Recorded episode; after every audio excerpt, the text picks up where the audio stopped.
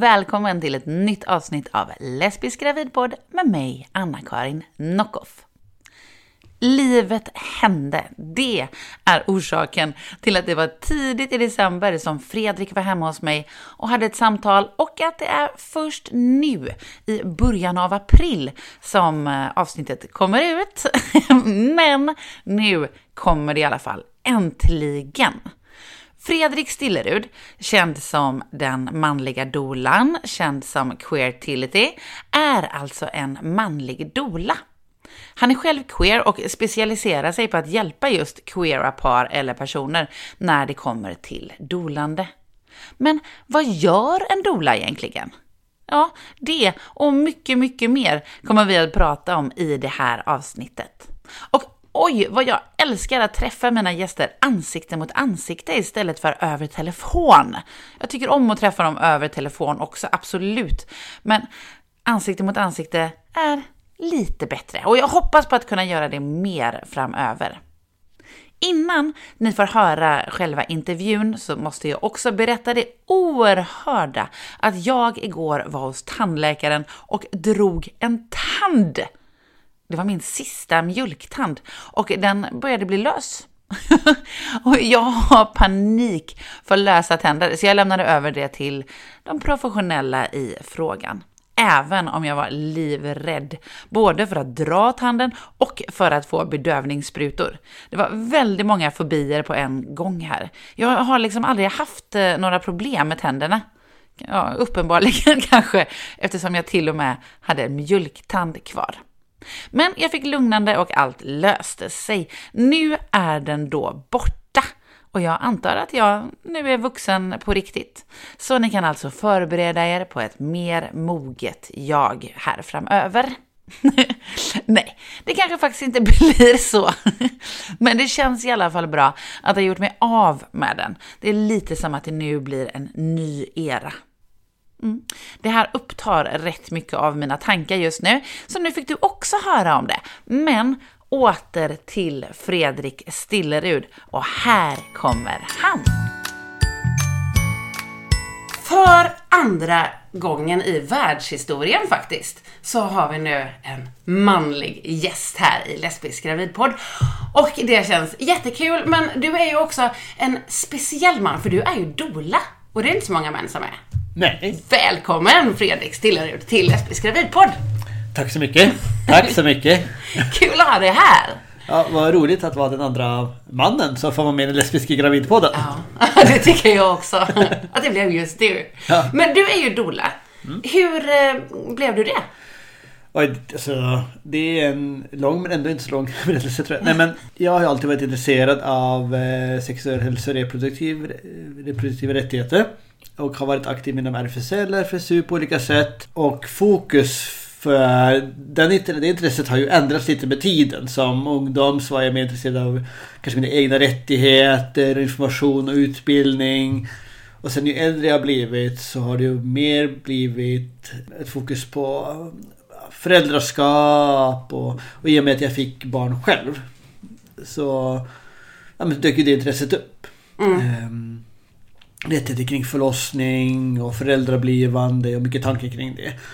Sen så är jag ju eh, transman så jag har ju transerfarenhet och eh, har ju själv liksom livmoder och äggstockar och sådär. Så mycket tankar kring bärande och vem kan bli förälder och bemötande inom vården. Och, och eftersom jag också är queer och har liksom dejtat folk liksom av ja, men samma kön som mig själv och ja, men olika så har ju de frågorna också varit viktiga. Mm. Och jag tycker att där, ja, men där har det saknats eh, en del vad gäller liksom bemötande i förlossnings och graviditetsvården men generellt i samhället egentligen. Mm. Ja. Ja. Ja. men då förstår jag Typ att det så. blev det. jag bara gick rakt in på dolandet nu. Först kanske jag skulle såklart bett dig berätta lite om dig själv.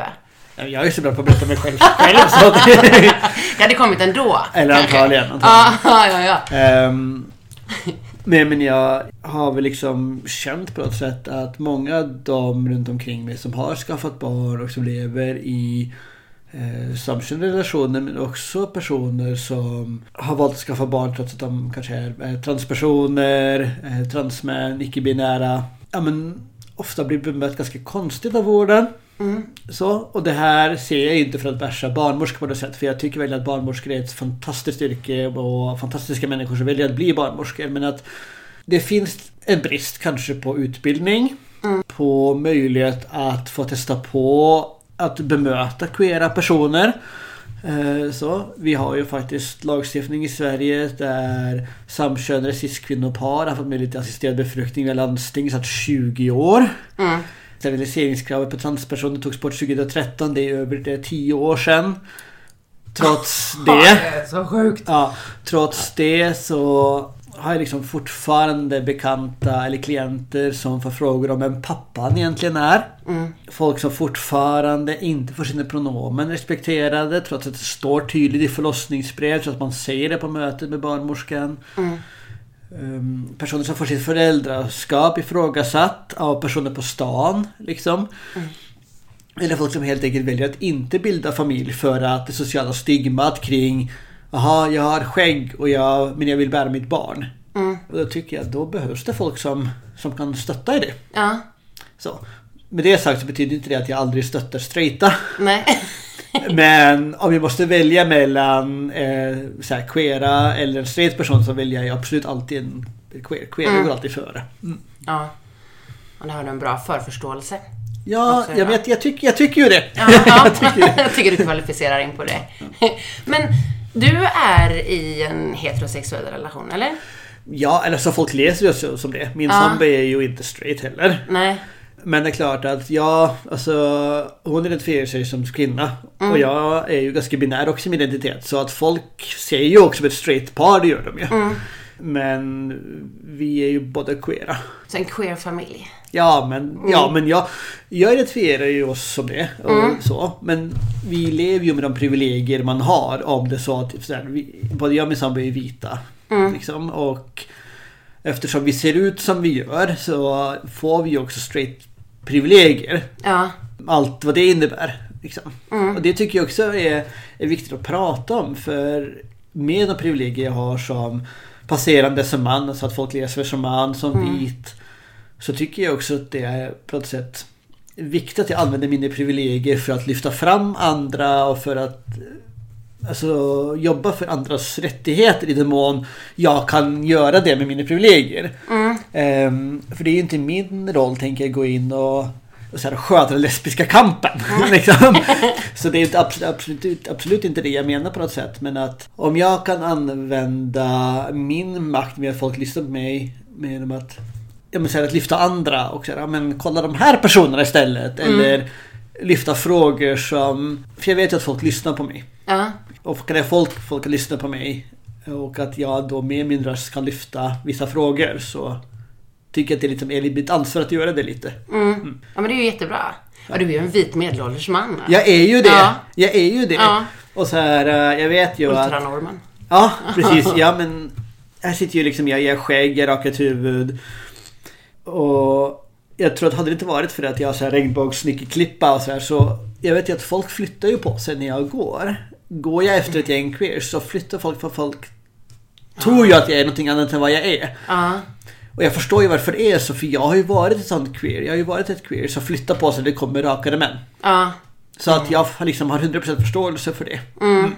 Och då tänker jag så här, då måste jag använda den makten för att ge plats åt andra. Mm. Liksom. Och att lyfta frågor. Eh, när jag inte jobbar som doula så är jag ju lärare till exempel. Och då är det, superviktigt för mig att lyfta queerfrågor, lyfta feminism, lyfta antirasism. Mm. Sådana frågor som jag kan lyfta utan, utan att jag blir utsatt. Du är verkligen rätt person på rätt plats i både dolandet och skolan, känns Ja. det som. Hoppas det. Ja. Hoppas det. Och jag hoppas verkligen inte att folk sitter där och tänker att Åh, vadå, ska ännu snubbar komma? Men jag är ju inte heller dola för att jag är snubbe. Nej. Det är ju inte min manlighet på något sätt som gör mig till doula. Så jag är ju doula framförallt för att jag är queer och för att jag har transerfarenhet. Det är Ja. det som är min ingång i det. Men är det mest eh, queera eller straighta föräldrar som vänder sig till dig?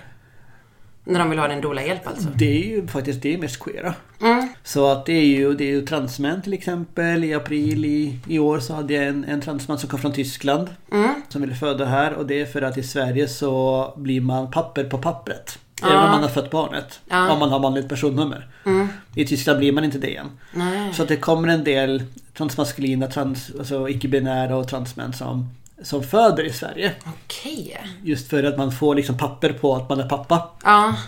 Så att en, sån, en del sådana typer av klienter har jag och sen så pratar jag ju en del om det att vara icke-bärande förälder också. Mm. Och då är det ju, då är det ju framförallt queera som, eh, som vill prata om det. Mm. De vill prata om jag vill säga, kanske valet av vem som skulle kunna bära, vem som skulle bära till exempel. Om det finns två med livmoder i, i, eh, i föräldrakonstellationen. Mm. Eh, kanske sorgen över att inte vara den som bär. Tanke kring det. Mm. Relation, så här, tanke kring genetik och anknytning och sådär. Och där, eftersom jag själv är icke-genetisk förälder eller icke-bärande, icke-genetisk förälder så känner jag att jag kan relatera ganska mycket till de frågorna. Ja. Så, och det är någonting som jag inte upplever att straighta riktigt ja, men, pratar så mycket om. Nej. För det finns ju, det finns ju straighta cis-personer som också får hjälp av till exempel könscellsdonation och, och så men de... Det är liksom en icke-fråga. Mm. Intressant. Undrar varför det är så? Jag tror att det handlar mycket om att ehm, Ja men det är så stor del typ kvinnlighet eller manligheten då om man tänker så här väldigt stereotypiskt att du ska ge upphov till dina barn eller så här, du ska bidra med spermier om du är man eller Och det är lite skämmigt nästan att det är Ja. många som tycker det. Ja. Så att jag tror, jag tror att det har med det att göra. Och jag tror att för queera personer så är det kanske införstått att vi kanske behöver någon typ av vårdhjälp eller kanske behöver frysa ner spermier eller ägg innan jag gör någon form för medicinsk transition om man är transperson eller man kanske har det i, ba- i bakgrunden hela tiden att vården kanske behöver komma in eller jag kanske inte kan bli genetisk förälder till mina barn. Vi måste kanske ha hjälp. Mm. Men att det där finns andra frågor som bärande eller inte bärandet eller anknytning eller att man andra saker man funderar på. Ja. Är det de frågorna som är liksom de största som du har märkt av? Angående bärandet och anknytningen? Ja, det är de, det är de stora. Ja. Och de upplever jag är framförallt stora hos, eh, hos eh, kvinnopar. Där båda liksom tekniskt sett skulle kunna. Ja. Och där är ju en annan fråga. Där är ju också vad händer om den som vill bära kanske inte kan, kanske har endometrios eller har PCOS eller på annat sätt har svårt att bli gravid. Och den andra som kanske inte har ett stor önskan om att bära har en alltså, perfekt Ja. kropp för att bära. Alltså om man ska säga så. Alltså, Där det liksom är optimala förutsättningar. Hur hanterar man det? För då blir det ju en press kanske. Och, så sådana typer av tankar, de finns ju inte riktigt att straighta på, på samma sätt. Nej. Om det inte finns, ja, om det inte finns två livmoder då. Och sen så kan det också finnas om det är någonting som ofta dyker upp till exempel hos transfeminina transkvinnor till exempel. Det är ju sorgen av att inte aldrig någonsin kunna bära. Att säga, ja men jag är kvinna, jag ser ut som en kvinna, folk läser som kvinna. Men jag får aldrig menstruation. Nej. Jag kommer aldrig kunna bära ett barn i min mage. Så här, och sorgen kring, kring det är det ju en del liksom som, som pratar om också. Men nu kanske det är ett, vad ska man säga, ett ingrepp som inte vem som helst bara kan göra sådär. Men var det inte nyligen som det var en kvinna med transerfarenhet som fick en donerad livmoder och bar ett barn? Jag tror, jag, ja det kan jag inte se, jag kan inte säga någonting om för jag, jag, det har jag inte koll på. Men jag vet Nej. att man har testat med donerade livmödrar till cis-kvinnor.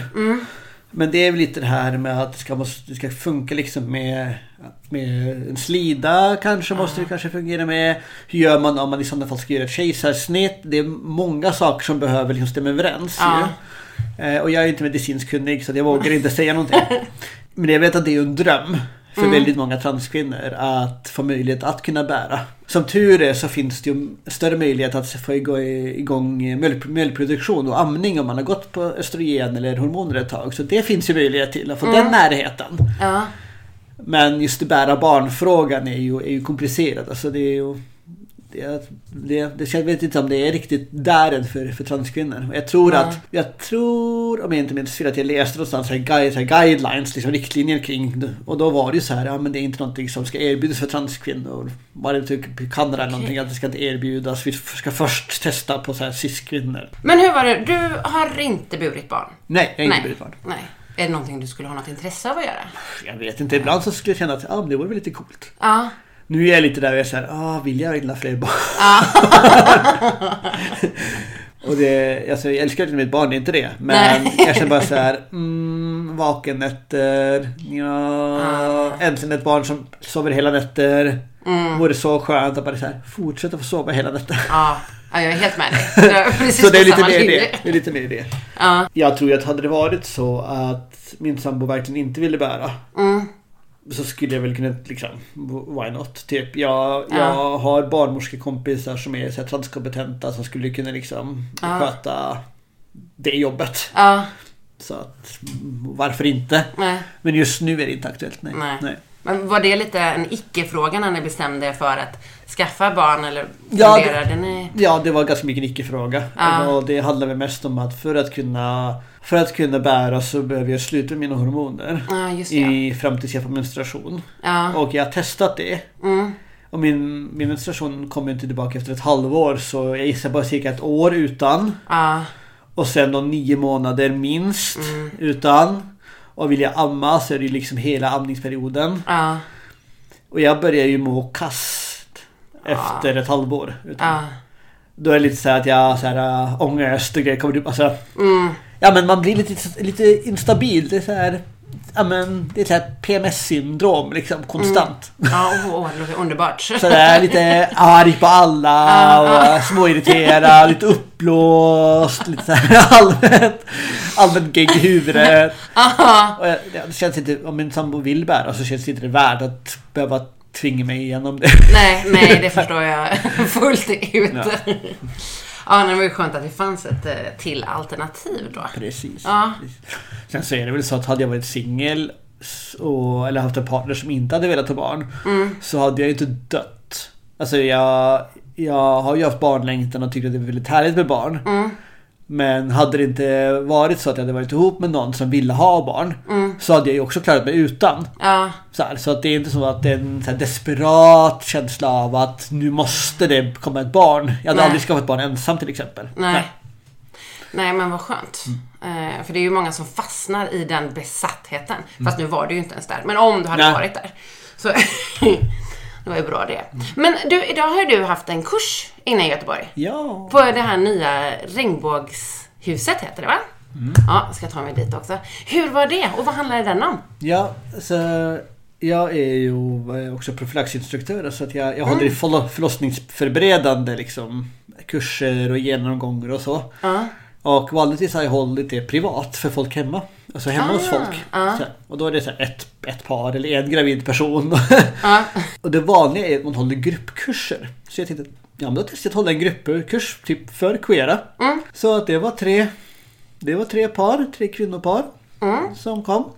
Som var gravida? Som var, ja precis, som Ja. är gravida. Alla var över vecka 30 någonting. Så det Ah, var lite, lite okej. olika men ganska så här, typ i slutet på graviditeten. Vad Eh, bra att alla var på samma nivå. Ja. Du kunde- Ja men det, de flesta brukar vilja gå en sån typ av kurs i slutet. Ja, någonstans ja, efter vecka 30. Så att det vi gjorde, vi gick igenom den här Född utan rädsla som är en ganska känd metod. Mm. Vi pratade lite om eh, förlossningsställningar och rättigheter i förlossningsrummet. Och vi pratade om, ja, alltså lite, lite olika. Lite smärtlindring och vad som händer om bebis mår dåligt. Och om man vill föda hemma eller på sjukhus. Ja, men så här, sådana typer av saker. Och så fick ju de för lite erfarenhetsutbyte med varandra också.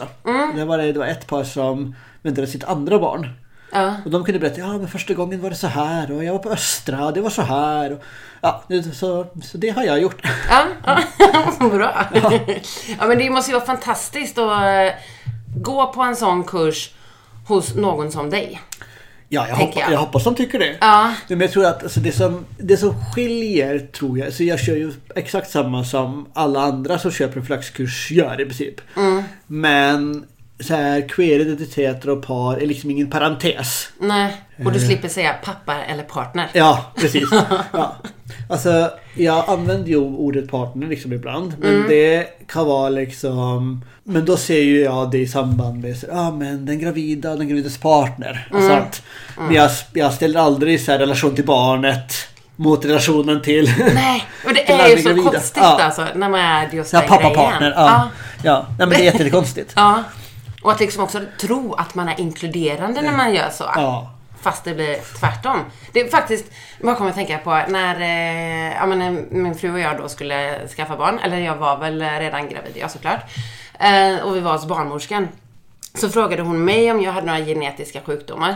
Och sen så frågade de min fru om hon hade några genetiska sjukdomar. Antagligen också på något konstigt sätt så att inkludera, fast det blir ännu mer bara exkludering nästan liksom av det. Ja, det är bara så här, ja, aldrig i min familj har ALS. Men Ja. ja. bara så du vet, så, eh, det kommer inte spela någon roll. Det här Nej, precis. ja, för som du kanske vet då så är du inte genetiskt. Det är Ja, då det man ska komplicera det det riktigt och köra så här embryodonation med, med, med partners ägg. Ja, Så har man bara, ja jag är, men jag är inte, har ingen genetisk koppling. aha, nu blir ni förvirrade va? Är, för mig, ja, men det är viktigt för mig på något sätt. Ja, men det här med att folk känner sig inkluderade och att folk kan känna att ja, men jag kan fråga om det här eller jag kan, jag kan lyfta fram liksom min relation och det, det är inga konstigheter att min relation är här. Nej. Det är en del av normalen. Ja, För att som queer så går man ju ständigt runt med den här stressen över att nu sticker min familj ut. Vad händer om de inte tycker att det är okej? Att jag kanske pussar på min fru? mm. Eller vad händer om vi får frågan om det här? Eller kommer jag bli ifrågasatt nu? Man går ju ständigt runt och tänker på de här sakerna. Och det är ju, även om jag liksom lever i en relation som utåt ut eh, tolkas som, som straight. Så det är fortfarande så att jag har ju det med mig. Mm. Så att, ja men, när barnmorskor frågar oss och som säger genetik liksom och sjukdomar så här, okej, okay, ska jag outa mig som trans? Ska jag outa mig som trans? Ska jag säga att jag är inseminerad i Danmark? Hur ska, jag, Ja. hur ska jag liksom göra? Hur kommer hon reagera på det? Mm. De frågorna dyker ju upp hela tiden. Minoritetsstressen. Precis, den här minoritetsstressen. Och det är ju, Den påverkar ju. den påverkar ju och jag vill att folk ska slippa det. Mm. Jag vill att folk ska kunna komma till mina kurser och känna så här, ah, okej, spelar ingen roll. Nej. Så här. Och jag frågar liksom alltid om namn och pronomen. Jag vill berätta alltid mina. Jag frågar alltid vilka föräldraord folk vill att man ska använda. Mm. Idag hade jag ju tur för idag hade jag sex mammor så det var ganska Aha. lätt så. Ville alla identifiera sig som mamma också? Ja. Jag, jag, jag frågade ju om det. Så, men vilka föräldraord vill ni använda mer? Är det mamma? Är det någonting annat ni vill? Och alla var mammor så det var jätte, jätte, jättepraktiskt. Mm, ja, det är enkelt. Bra. Men så tycker jag liksom, jag också så här bare minimum. Ja. När man håller en sån typ av kurs också. Att här, men vilka ord är du bekväm med att jag använder? Mm. Eh, och är jag liksom, håller kurs privat också så frågar jag vilka ord vill ni att jag använder om jag pratar om könet till exempel. Så här, är, är fitta liksom okej? Är det ett bra ord som funkar för er? Vad- att jag är ju så här jätteöppen. Jag ser ju, jag bara ja ja men slida bla bla bla. Och men alla är inte så bekväma med det. Och det Nej. beror ju också kanske på hur man ident- identifierar sig och, och så här. Ja, ja det är klart. Men du, jag tänkte också för det, nu, eh, de, det känns som att väldigt många vet vad en doula gör. Men för de som inte vet, vad gör en doula egentligen? Ja, ja, men traditionellt sett så är ju doula en, en cis-kvinna som stöttar andra cis-kvinnor i samband med graviditet och förlossning. Det är liksom det traditionella och så har det varit ganska länge. Men det har börjat luckras upp lite och kanske i synnerhet liksom i, i USA och, och så där det finns ett spektrum av olika sorters dolor. Ja. Eh, där har man ju så här dolor som hjälper till vid så här, könskorrigering eller könsbekräftande behandling. Att man så här, stöttar vid operationer. Eh, det finns så här, dödsdolor. Det har kommit till Sverige nu också. Oj. Att man stöttar vid livets slutskede Ja. på, på hospice och, och sådär. Och det finns liksom postpartum-dolor som hjälper vid första tiden med bebis. Så. Men så bra grej. Ja, men det finns massor med typ olika typer av stöd. Ja. Eh, I Sverige finns det ju främst liksom förlossnings och dolor. Men vi har även abortdolor. Så stöttar vi, stöttar vi abort. Både liksom frivilligt som man har valt själv men också liksom efter missfall och, och så. Ehm, och sen så finns det ju eh, dolor som jobbar till exempel med fertilitet. Jag gör det lite, inte så att jag håller på med någon så här justismetod eller någonting sånt utan mer att jag stöttar folk som ja, men behöver hjälp på en fertilitetsklinik för att skaffa barn. Enkelt. Så att jag går inte in och ah, kolla ditt slidsekret. Nej. Jag kan men det är inte Ja. det utan det mest är den, den sociala och den kanske den psykiska liksom, delen av det att jag håller handen. Ah. Men, men det var även då så här på vägen till, säg att om du hittar en klinik, försöker där, tar sig inte. Och sen kanske man fortsätter försöka och det tar sig inte. Ja. Är, är du med under den processen? Ja, liksom? ja. Ah, Ja, Okej, precis. gud vad bra. Som folk liksom... Och då kan ju folk antingen att man kanske eh, har mig som, som digital doula en dag och då har man tillgång till mig via en app liksom en hel dag. Och man kan skriva sina tankar och funderingar. Och sen så är det slut efter den dagen. Eller jag har också så här olika typer så här abonnemang man kan ha. Så att man Ja. kan till exempel ha så här fyra så här stödsamtal på en månad. Så ingår det här och det här och det här och det här. Ja. Man kan prenumerera Man kan typ prenumerera. Ja. Det blir lite så. Eh, Men också enskilda tillfällen när man känner att nu ska vi träffa den här kliniken. Hur ska vi vad kommer de gå igenom? Och så ska vi, kan vi träffas och prata om det. Så här, ja, men vi kan gå igenom det här. Bla, bla, bla. Ja. Mm. Eh, och jag erbjuder ju också att hänga med till Danmark om det är någon som är ensamstående. Ja. Så. Eh, Även par som åker till Danmark eller just en. Ja, det- du följer med som ja, sällskap? jag kan följa med som sällskap. Ah. Om det är någon som är ensamstående typ eller partner inte kan följa med eller så. Så Mm. kan jag också hänga med till Danmark. Och jag bor ju så pass nära så det Ja. Mm. ja, men vad bra. Så att sånt gör jag också. Ja. Men det vanligaste är ju att hålla i förlossningsförberedande. Mm. Typ kurser som jag höll idag. Eller att man är stöd under förlossning. Mm. Och då är det ju inte, då går ju inte dolan in som medicinskt. Så, utan man har inget sånt ansvar. Utan det är så emotionellt stöd till den som föder. Men också mycket stöd till om det finns en partner. En Mm. medförälder som finns med. Ja. Det kan vara så här, se till att den personen får i sig mat och dryck så att hen kan stötta den födande. Mm, ja. En viktig grej. Ja. Så att det, det är väl det en, en doula gör. Liksom. Ja. Mm. Vad tycker barnmorskor oftast om eh, att det är en doula med? Jag har inte upplevt någonting negativt överhuvudtaget. Nej. Ehm, jag var i Halmstad i somras och då var det så här, jaha en man, jaha vad spännande. Ja. Liksom. Mm. Men det var ingenting, det var inget som någon tyckte var något konstigt överhuvudtaget. Jag har aldrig stött på någon barnmorska till exempel på Instagram eller så som har tyckt att mm, de tycker att det är superbra med doulor. Ja. Så länge man har ett bra samarbete så är det liksom inga konstigheter. Nej. Känns ju som att det skulle finnas en risk så här, att de känns så underminerade. Jag tror att det beror så. lite på situationen. Ja. Jag tror att... Ja men alltså skulle jag ha ett par där... Men säg att eh, någon i paret eh, använder hen som pronomen till exempel. Mm. Och personalen på, eller vårdpersonalen inte respekterar det överhuvudtaget. Och det blir, alltså paret är tydligt med att ja, men kan du hjälpa oss med liksom Mm. Då skulle kanske vårdpersonalen kunna ta illa upp att det kommer någon annan som bara ah men det är det faktiskt så att Ja. men, men där tror jag man får liksom göra en övervägning för vad är det som är, vad är som är viktigt att ta upp på det sättet med vårdpersonal och vad är inte. Mm. Jag skulle ju aldrig gå in som doula och ifrågasätta beslut. Nej. Så här, ah, men ska du verkligen göra sugklockan nu? Det skulle jag aldrig göra. Men däremot så kan man ju kanske stärka den födande i att fråga, så kunde jag själv ställa frågor. Mm. Kring att säga, okej men varför och är det nödvändigt och kan jag få prata ihop mig, kan jag fundera och sådana saker. Mm. Men det är liksom som en sak som är superviktig, pronomen eller namn eller förälder. Så sådana saker som är ganska små, som är lätt att justera, som inte Ja. inskränker på, på vårdpersonalens kunskap eller inte sätter dit dem på något sätt. Nej. Så tycker jag. Så. Så att för att kunna ha en bra relation så får man hitta balansgången där. Ja. Ja, ja det är ju viktigt förstår jag. Men vad, vad gör du liksom då mer så här, ja men man, du är med och stöttar, Mm. men är det liksom så här, kan du massera eller säger du så här peppande ord eller? Det beror hur- helt på vad, vad den som föder och eh, medförälder vill. Ja. Så, ja men, det är paret som jag var med i Halmstad, där föddes barnet i bilen på vägen ja in. oj, oj. Och Var du med då? Nej, jag var inte. Jag skulle, jag skulle möta upp dem på sjukhuset Ah, och sen ah. så ville bebis komma i bilen på vägen till sjukhuset. Mm. Men då det stödet de behövde då var ju att jag mötte upp på sjukhuset, hade hand om eh, mamman i det här paret tills medföräldern kunde komma in med sin bil. Ah, ah. Så där stod- bestod stödet av det och att jag höll liksom och gosade bebis medans eh, mamman blev sydd och liksom. Så att det stödet var ju där. Mm. Sen så har jag också varit med om att ja, men stödet är att du bara är i rummet. För vi har ju träffats flera gånger under graviditeten så att stödet av att det finns någon bekant i rummet.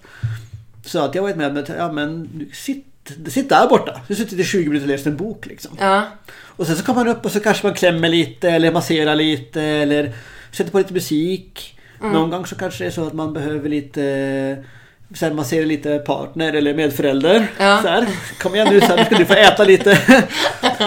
Eh, Vissa tror ju att en doula kommer veta allt och ha koll på allt möjligt som kan göras. Men det är ju supersvårt för man vet ju man vet ju oftast inte vad det här paret behöver eller vad personen som föder behöver innan man är där. För man kan ju säga saker på de förberedande samtalen. Ja. Man kan prata om att ja men jag tror att jag vill ha mjuk röst och lugna rörelser och så här. Och så kommer man in och så är det hårdrock som gäller. Ja. så det kan se lite olika ut men, men precis som när man är lärare så måste vi ju, man får ju kolla in i rummet och se vad som funkar. Läsa av situationen. Läsa av situationen precis och kolla. Ja. kolla. Så att det korta svaret på din fråga är att man får, det är lite olika. Ja, jag fattar. Det måste vara fantastiskt att vara med om så många förlossningar och träffa så många bebisar. Ja, det är jättefint att träffa bebisar. Ja. Supergulligt. Men hur blir det? För jag kan tänka mig liksom, om du har varit med under en förlossning, under en, eller jag menar graviditet och förlossning, så blir det ju ett väldigt nära band man får. Hur Liksom så här, klipper du av det sen bara? Eller fortsätter ni ha lite kontakt sen efter och så? Och det är olika. Jag har ju de två förlossningar liksom har varit med i år. Eller så här, eh, som jag liksom kommer ihåg ordentligt. Det var ju den här ja, i Halmstad och den här transmannen som födde. Och de två förlossningarna, de har jag ju med mig. Det blev väldigt speciellt med den här bilförlossningen och så. Och de skriver jag ju fortfarande en del med. Och den här tyska killen, vi skriver också en del. Men inte så mycket om så här barn och födande, men om andra grejer. För mig så är det lite med dåliga klienter så det är med när jag släpper elever i nian. Jag, Ja, jag tycker jättemycket om er. Det var ett fantastiskt samarbete, superkul. Ehm, Men jag pushar inte på någon så här vidare kontakt. Utan Nej. vill man ha kontakt med mig. Så, så att ni vet var jag finns. Ja. Här, om ni kommer hit för att vikariera sen eller om ni ska föda ett barn till så vet ni var jag finns. Ni får jättegärna höra av er men, men jag sköter inte den kontakten. Liksom. Nej. Ja. jag fattar. För att det är ändå som att de har ju betalat mig för att eh, för en tjänst. Ja. Och när jag har gjort det som står i vårt kontrakt då är ju mitt uppdrag klart. Och då känner jag att då är det liksom upp till dem att välja om de vill. Även om jag har kommit nära dem och lärt känna dem väldigt intimt så vill jag ju ändå på något sätt att de ska få bestämma om de... Vill fortsätta betala. Fort. Nej, skojar. Ja precis! Eh, de får jättegärna fortsätta på en månads... om de vill fortsätta ha någon typ av kontakt ju. Ja. Ja, men jag kan tänka mig att det blir... Ja, men att man kommer nära. Bra sätt att skaffa kompisar annars. Eller hur? Ja. Jag har sett, jag har sett det mellan det. Precis. Jag vet nu är vi faktiskt kompisar. Ja, eller hur? Jävligt stora dina bygdisar är. Nej men... ehm, Det är så jag skaffar kompisar nu efter att de är Ja. med i podden. Fast de betalar inte för att vara med, så det kanske blir en annan... Kanske du ska göra det. Ja, jag skickar en faktura sen. det var 1500 minuter. Ja, Precis. Glömde jag säga det? Du bara, jag behöver inte jobba. Precis, nej nej, sitter bara här. Men jag tänkte, nu behöver du såklart inte avslöja dina här, professionella knep, men jag tänker de sakerna som folk undrar över med anknytningen till exempel.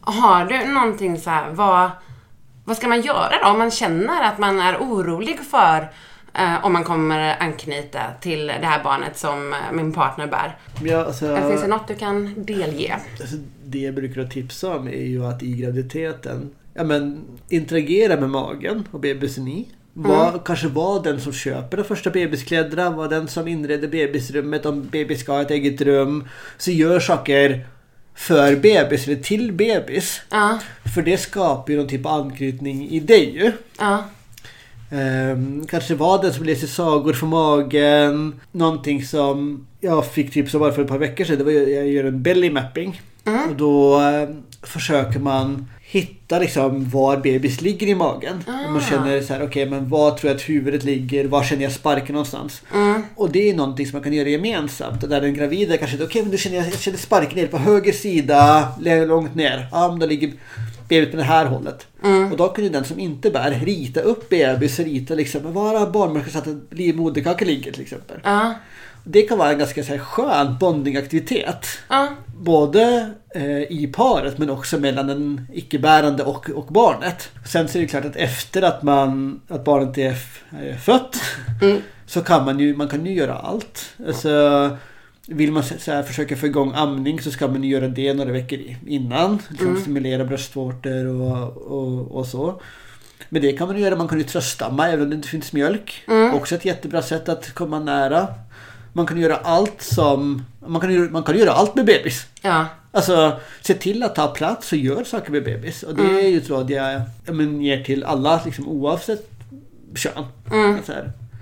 Bara för att man kanske inte har fött barnet så kan man ju absolut skapa en anknytning. För det bebis eller barn behöver det är ju någon som tar hand om den och tar ansvar för det och visar omsorg. Mm. Det är det barn behöver när de är så små. Eller Ja. alltid men liksom, det är det grundläggande behovet. Så att, blir de tvättade, blir de matade, blir de, känner sig trygga och lugna så kommer de att skapa en bra anknytning till en. Det spelar liksom ingen roll om man har fött dem eller delar gener eller vad som helst. Nej. Men för jag tänker, alltså det här kanske bara är mina fördomstankar, men det känns som att den icke-bärande i en lesbisk relation har mer oro för anknytningen än den icke-bärande i en hetero-relation. Är, det, är, det liksom, är det bara en gengrej? Eller, Ja. eller tror du att kvinnor är känsligare överlag? Eller vad Ja. ska man... Ja, Vad kan det vara för? Det är ju jätte- jättesvårt att säga. Ja. Det, det, är lite, och det är lite minerad mark också. Ja. Det här, så här, vad är gener och vad är socialt liksom. Mm. Ja, kanske en blandning. Jag vet inte. Jag vågar Mm. inte svara på det exakt varför det är så. Jag kan ju tänka mig att en del liksom uppfostran också. Att man Mm. Har man växt upp i en kvinnlig könsroll så har man ju ofta fått lära sig att man ska vara omhändertagande och man ska så här, man ska vara den som föder fram barn och man ska, och man ska. Och det pratas mycket om så här, moderskärleken och det pratas, alltså det pratas så mycket om den här starka anknytningen mellan mamma och barn. Ja. Och jag kan tänka att det blir lite, lite kortslutning kanske i huvudet när man säger ja, men jag är ju mamma. Men jag har inte burit. Hur gör jag då? Ah! Ja. Så blir det lite så här. Och tillbaka, jag tänker liksom tillbaka till det vi pratade om innan det här med att bära eller inte bära och kanske känslorna och kanske sorgen kring att inte vara den som bär.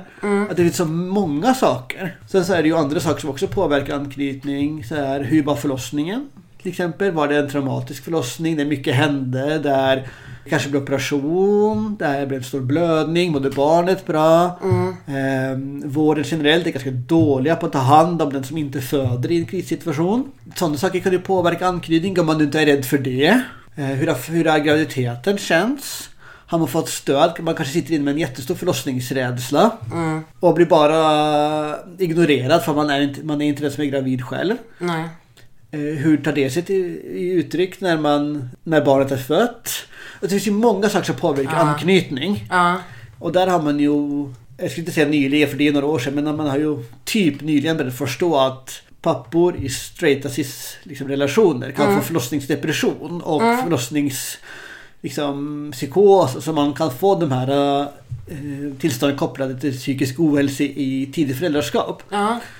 Och det måste ju se ut på samma sätt tänker jag för, för mammor som inte har burit sina barn också. Att även, även de kan få Ja. förlossningsdepressioner och psykisk ohälsa i samband med. Och jag tänker att om pressen på att bli att knyta an Mm. är jätte, jättestor. Från kanske en själv då framförallt. Och så mår man kanske dåligt över något som händer på förlossningen. Så blir det ännu jobbigare med anknytning och så ännu större press och så mår man ännu sämre. Ja, jag Det blir en spiral. det blir ond spiral där. Men det, jag tänker, finns det liksom likheter att jobba i skolan och vara doula? Ja, Ja. Jag tror att alltså, en styrka här är att jag inte är rädd för att prata. Att jag kan hålla låda. Mm. Det är bra. Det är Alltså- bra yrken också då. Eh, det, det är en, jag är liksom inte rädd för att träffa på nya personer och jag är inte rädd för att säga åt folk vad de ska göra. Nej. Till exempel. Nu är det inte så ofta jag säger åt födande vad de ska göra. Nej. Det är inte så ofta det händer. Men det är väl mer elever kanske? Ja, det är väl det.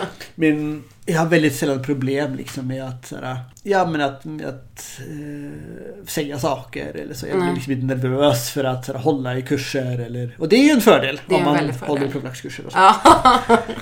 Ja. Sen så, jag vill säga, jag är van vid organiserat kaos på något sätt. Mm. Jag är liksom van vid att ah, men där är elev A, jag har tappat penna, okej. Elev B sitter och så här stimmar i ett hörn. Elev B springer runt med sin iPad, ja okej. Ja okej, elev eh, X och Y de slåss nu. Ja, Det går lite att jämföra med en förlossning Ja, faktiskt. ja. Det, det kaoset som kan bli ett Ja. klassrum. ja.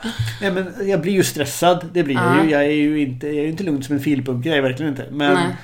Jag kan liksom snabbt få en överblick över situationen för att jag är så van vid att det går pågår 15 olika saker Ja. samtidigt. Och det känns som en fördel. För då kan jag säga, okej då kom barnmorskan in där, okej den personen andas där, okej. Så jag kan liksom, jag kan ändå få överblick ganska, ganska snabbt. Vara i stormens öga Precis. också. Och Precis. se. Det är bra. Men alltså du känns ju också som att du skulle behövas liksom i den allmänna vården. Hur skulle du kunna börja ha så här stora profylaxkurser? Eller Ja, alltså, bli jag, barnmorska? nej, jag kommer, inte, jag kommer inte orka plugga till sjuksköterska som Nej. barnmorska. Nej, det fattar jag. Det kommer jag inte. Nej. Jag har redan fem år på nacken med plugg. Så att, Ja, jag känner klar. lite. Fattar det. Nej, alltså, drömmen vore ju att få att kanske bli anlitad av någon så här barnmorskeenhet eller barnmorskemottagning som träffar många queera och får hålla i någon kurs. Men jag har försökt eh, ta kontakt med barnmorskemottagningarna i kommunen där jag bor men de har bara så här allmän mail till reg- så regionmail. Ja, När man, när man ringer dem så är det så här. Välkommen till kvinnokliniken Falkenberg. Vill du 1. Ta cellprov. 2. Boka tid för inskrivning. ditt alternativ finns inte med. Nej, Nej. nej det finns inget. Eh, 3. Bli den som håller i våra profylaxkurser.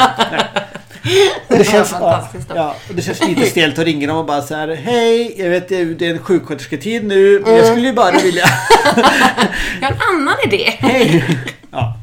Ja. Så drömmen vore ju verkligen, eh, för jag vet ju att eh, det finns ju en doula-grupp i, i Skåne som har, eh, som har samarbete med två barnmorskemottagningar. Mm. Och håller i deras liksom, profylaxkurser och, så, så de får betalt av klinikerna så får paren gå gratis. Ah. Och det hade jag tyckt vore fantastiskt Ja. att få göra. Så att om det är någon barnmorskemottagning som lyssnar på den här podden så att kontakta mig. Jag är, jag är Jag kan bifoga telefonnummer. eller hur? Nej men det, det hade varit jätte, jättekul att få göra någon sån, en sån grej men... eh, Ja, det känns väldigt viktigt också. Mm. Och också ju eh, så här allmän, eller för jag vet, när jag var gravid då så eh, istället för, jag hamnade inte i någon sån här mammagrupp. Fick inte erbjudande om det. Jag blev erbjuden att gå på en regnbågsträff med blivande då queera föräldrar. Och då så var det ju bara en träff. Vi fick skriva upp så här och ta varandras telefonnummer men det var ju också lite stelt. Det var inte så att, åh vad vi lärde känna varandra när vi satt här i en eh, cirkel och inte pratade med varandra så mycket utan mer med de som var där. Och eh, men så jag tänker liksom så här, någon sån grej borde det finnas också som är, dels som är med hela vägen liksom, att det blir en grupp om det ändå finns. Det kanske inte finns i varje stadsdel tio queera par som skaffar barn samtidigt, men det kan finnas i en stad i alla fall.